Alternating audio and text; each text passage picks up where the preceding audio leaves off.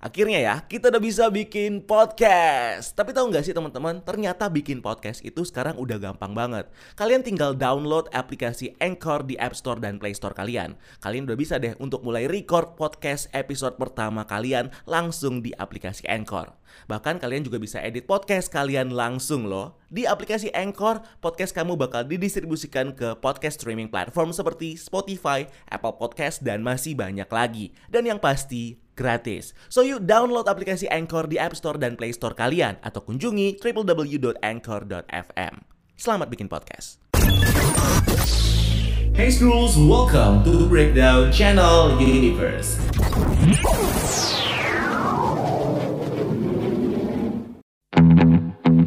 Hai Skrulls, welcome to Breakdown Channel Universe. Setelah membahas karakter Eternals dan Black Knight di video-video sebelumnya di mana karakter-karakter ini akan memulai petualangan mereka di MCU di Phase 4 nanti Dan akan menjadi karakter-karakter penting di fase-fase berikutnya. Rasanya penting juga untuk membahas salah satu film di Phase 4 MCU yang juga menurut gue bakal membawa dampak besar dalam saga keseluruhan MCU di masa yang akan datang. Shang-Chi and the Legend of the Ten Rings Nah, dari judulnya aja, film ini akan menggabungkan dua entitas kuat yang ada di universe Marvel. Karakter Shang-Chi itu sendiri dan Ten Rings yang sudah berada di MCU selama ini yang identik dengan karakter villain The Mandarin. Yang di Iron Man 3 sudah muncul tapi diceritakan bahwa karakter The Mandarin ini ternyata palsu. Yang justru akan menebus dosa Marvel karena sudah mengacak-acak terlalu kacau karakter The Mandarin di Iron Man 3. Well, nggak banyak yang tahu tentang karakter Shang-Chi ini. Siapa dia, bagaimana bentuknya, dan apa perannya bersama Avengers. Dan fans juga masih memiliki rasa penasaran tentang siapa si Mandarin dan Ten Rings yang dimilikinya dalam bentuk organisasi teoris maupun dalam bentuk 10 cincin keramat yang akan dipakainya nanti. Kali ini kita bakal kenalan dengan Shang-Chi, The Mandarin, dan Ten Rings yang akan muncul di film Shang-Chi and the Legend of the Ten Rings. So nggak perlu lama-lama lagi, bareng gue Rian, mari kita bahas topik kita kali ini.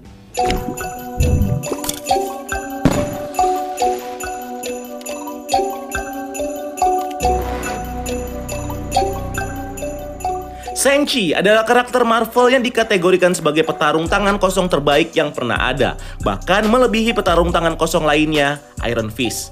Dia akan menjadi Asian hero pertama yang ada di Marvel Cinematic Universe. Shang-Chi pertama kali dirilis di komik Marvel Special Edition nomor 15 The Hands of Shang-Chi, Master of Kung Fu pada Desember tahun 1973. Di situ diceritakan Shang-Chi dibesarkan oleh ayahnya bernama Fu Manchu sebagai seorang petarung.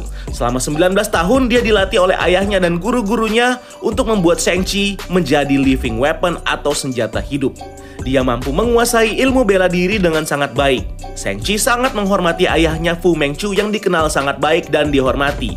Selama bertahun-tahun dia belajar tentang filosofi bahwa membunuh adalah sebuah aksi kebencian yang menjijikan. Hingga satu saat ayahnya memberikan misi pertama untuknya adalah untuk membunuh seorang bernama Dr. Pitri yang disebut Fu Mengchu sebagai orang paling jahat yang pernah hidup. Awalnya Shang-Chi ragu akan misi ini karena filosofi pembunuhan yang dipercayanya. Namun dia lebih percaya dengan ayahnya yang dianggap adalah orang paling jujur dan terhormat. Jika ayahnya menyuruhnya untuk membunuh, maka dia akan melakukannya. Dia lalu pergi ke rumah Dr. Pitri, di mana dia menemukan Dr. Pitri ternyata sudah sangat tua dan sedang tertidur. Senchi heran kenapa dia harus membunuh Dr. Pitri yang tua ini yang tidak lagi menjadi ancaman. Dia sekali lagi ragu akan misinya. Dia menganggap balas dendam tidak akan menghasilkan apa-apa. Tapi Senchi tetap menyelesaikan misinya. Dia membunuh Dr. Pitri hanya dengan satu pukulan. Saat hendak keluar dari rumah Dr. Pitri, Shang-Chi dikagetkan dengan seorang yang bernama Sir Dennis Nyland Smith yang menodongkan pistol ke arahnya. Sir Dennis lalu langsung menebak siapa yang mengirimnya dan mulai menghina ayahnya Fu Manchu. Shang-Chi mengatakan bahwa Dr. Pitri harus mati karena adalah orang yang jahat yang mengancam perdamaian dunia. Sir Dennis yang marah lalu menceritakan sebaliknya bahwa ayahnya Fu Manchu lah yang adalah orang yang jahat. Sir Dennis lalu membuka siapa Fu Manchu sebenarnya. Fu Manchu dikenal sebagai seorang yang jahat. Dia berbicara semua bahasa dan juga adalah orang yang paling biadab.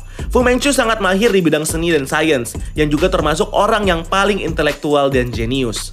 Sardenis juga mengatakan bahwa Fu Manchu mengembangkan elixir vitae, minyak kehidupan di mana minyak ini mampu membuat Fu Manchu menjadi lebih muda dan tetap bertahan hidup hingga dikategorikan sebagai immortal. Dia juga memiliki laba-laba, tikus, dan reptil yang digunakannya sebagai senjata. Sir Dennis mengatakan bahwa dia dan Dr. Petrie pernah mencoba menghentikannya bertahun-tahun yang lalu. Senchi yang kecewa lalu memalsukan kematiannya dan mulai menyerang setiap dinasti yang didirikan ayahnya.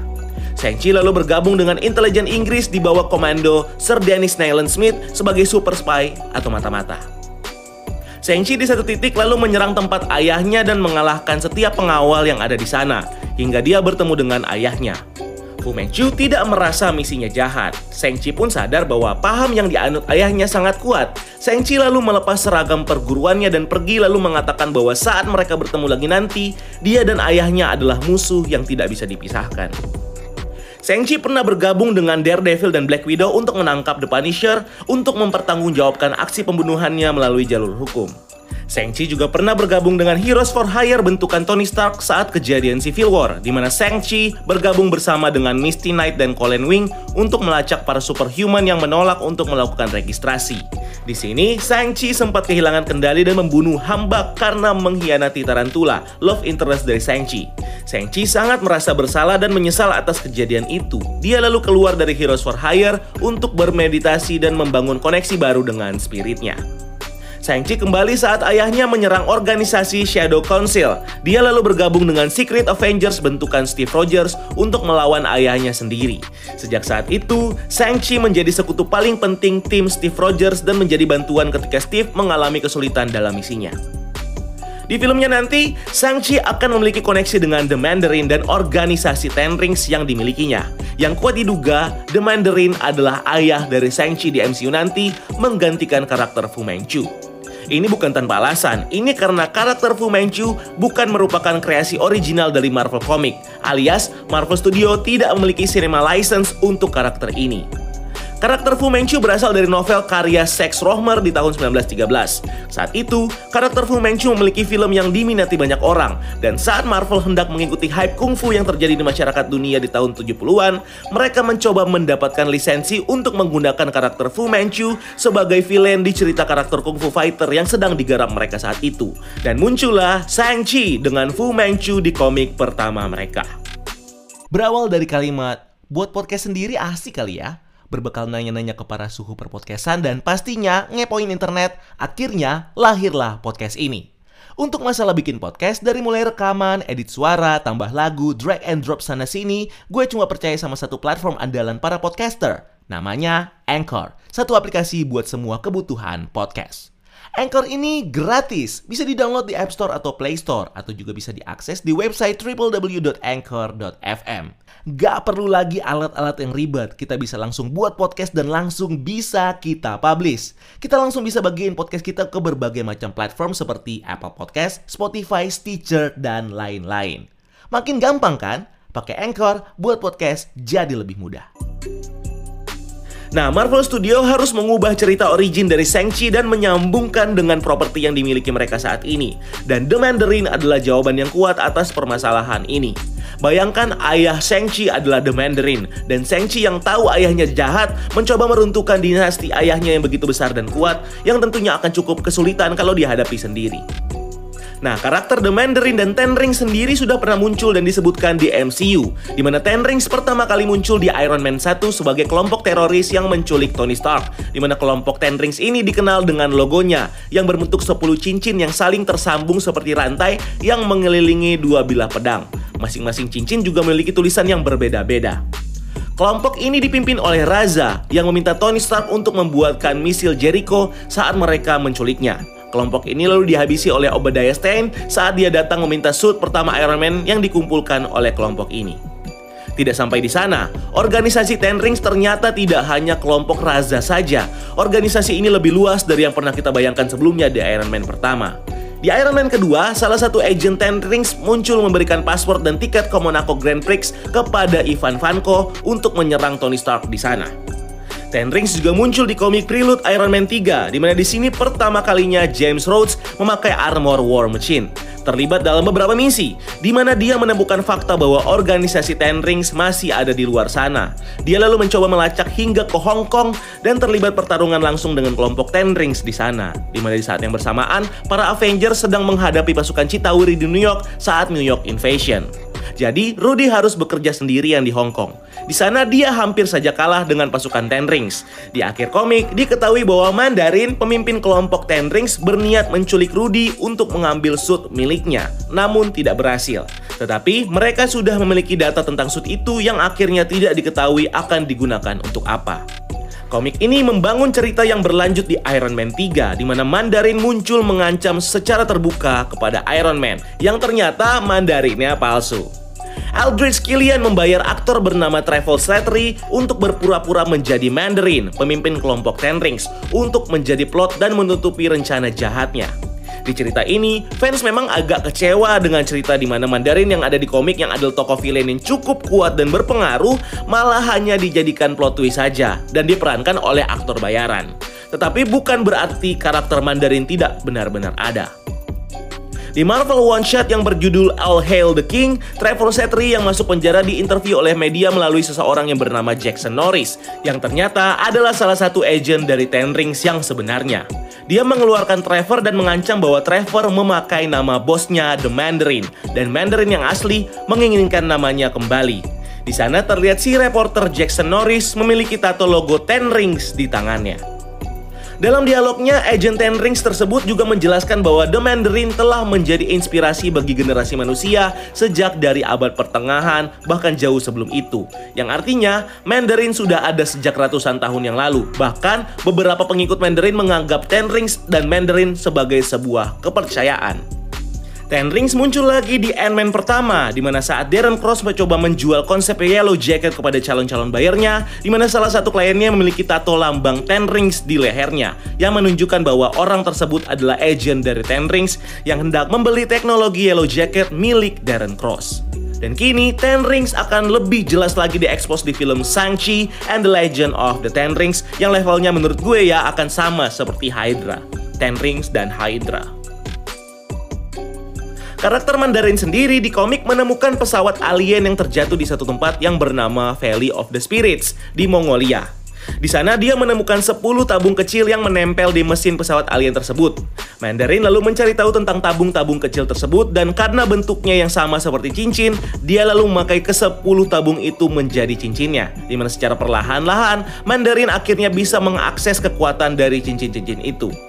Ketika pertama kali memakai semua cincin secara bersamaan, pikirannya mampu menjangkau roh para warrior yang terjebak di cincin itu. Roh-roh ini lalu mempengaruhi Mandarin yang akhirnya memiliki tujuan untuk membangkitkan kembali roh-roh yang terjebak di cincin ini. Masing-masing cincin ini memiliki rohnya masing-masing dengan nama yang berbeda-beda. Masing-masing cincin pernah tersebar dan digunakan oleh beberapa karakter di komik. Dan sama seperti Infinity Stones, seseorang yang memakai cincin-cincin ini secara bersamaan atau sekaligus akan memiliki akses kekuatan yang sangat-sangat kuat. Yang nanti bakal kita bahas lah di video yang berbeda ya, tentang 10 cincin ini. Nah, Shang-Chi dan Mandarin akan menjadi match yang sangat kuat nantinya. Meskipun sebenarnya Mandarin lebih identik menjadi musuh Iron Man. Tetapi kita tahu Iron Man sudah tidak ada di MCU. Jadi bisa saja Mandarin akan menjadi musuh siapa pun di MCU. Termasuk menjadi musuh besar seperti Thanos bagi para Avengers. Di filmnya nanti, Shang-Chi juga akan berhadapan dengan empat villain lainnya yang kuat diduga adalah anak buah dari The Mandarin. Mereka adalah Steel Claw, Razor Fist, Ghostmaker, dan Moving Shadow. Steel Claw tidak ada di komik, tetapi banyak yang menduga bahwa Steel Claw adalah Tiger Claw yang di komik merupakan anak buah dari Fu Manchu. Razor Fist juga adalah karakter yang cukup berbahaya karena memiliki pisau besar di kedua tangannya. Ghostmaker adalah seorang yang berasal dari Soviet yang dilatih bela diri oleh ayahnya selama 15 tahun. Dia mampu menghabisi 10 mata-mata terbaik, tetapi dia kalah juga saat melawan Shang-Chi. Dan yang menarik adalah karakter Moving Shadow. Moving Shadow adalah saudara tiri dari Shang-Chi, di mana saat Shang-Chi memilih untuk tidak mengikuti ayahnya yang jahat, Fu Manchu lalu menunjuk anaknya yang lain, Moving Shadow, sebagai senjatanya. Moving Shadow terlibat pertarungan yang sangat sengit dengan Shang-Chi, namun tetap saja Moving Shadow kalah. Moving Shadow lalu dibunuh oleh Fu Manchu karena tidak berhasil membunuh Shang-Chi. Ada rumor yang mengatakan bahwa aktor Joe Taslim sedang didekati untuk memerankan karakter Moving Shadow di film Shang-Chi nanti. Kuat diduga film Shang-Chi akan lebih mengarah ke film spy action dengan percampuran kung fu style sehingga membuat film ini memiliki gaya yang berbeda dengan film-film MCU lainnya. Yang pasti, Shang-Chi akan ikut bergabung dengan hero-hero lainnya di film teaming up seperti Avengers atau Defenders di MCU di masa mendatang. Bahkan, kita akan melihat karakter Shang-Chi di film lain sebelum film solonya muncul. Yang kuat diduga, Shang-Chi akan diperkenalkan di film Black Widow menjadi cameo. Keep exploring the multiverse.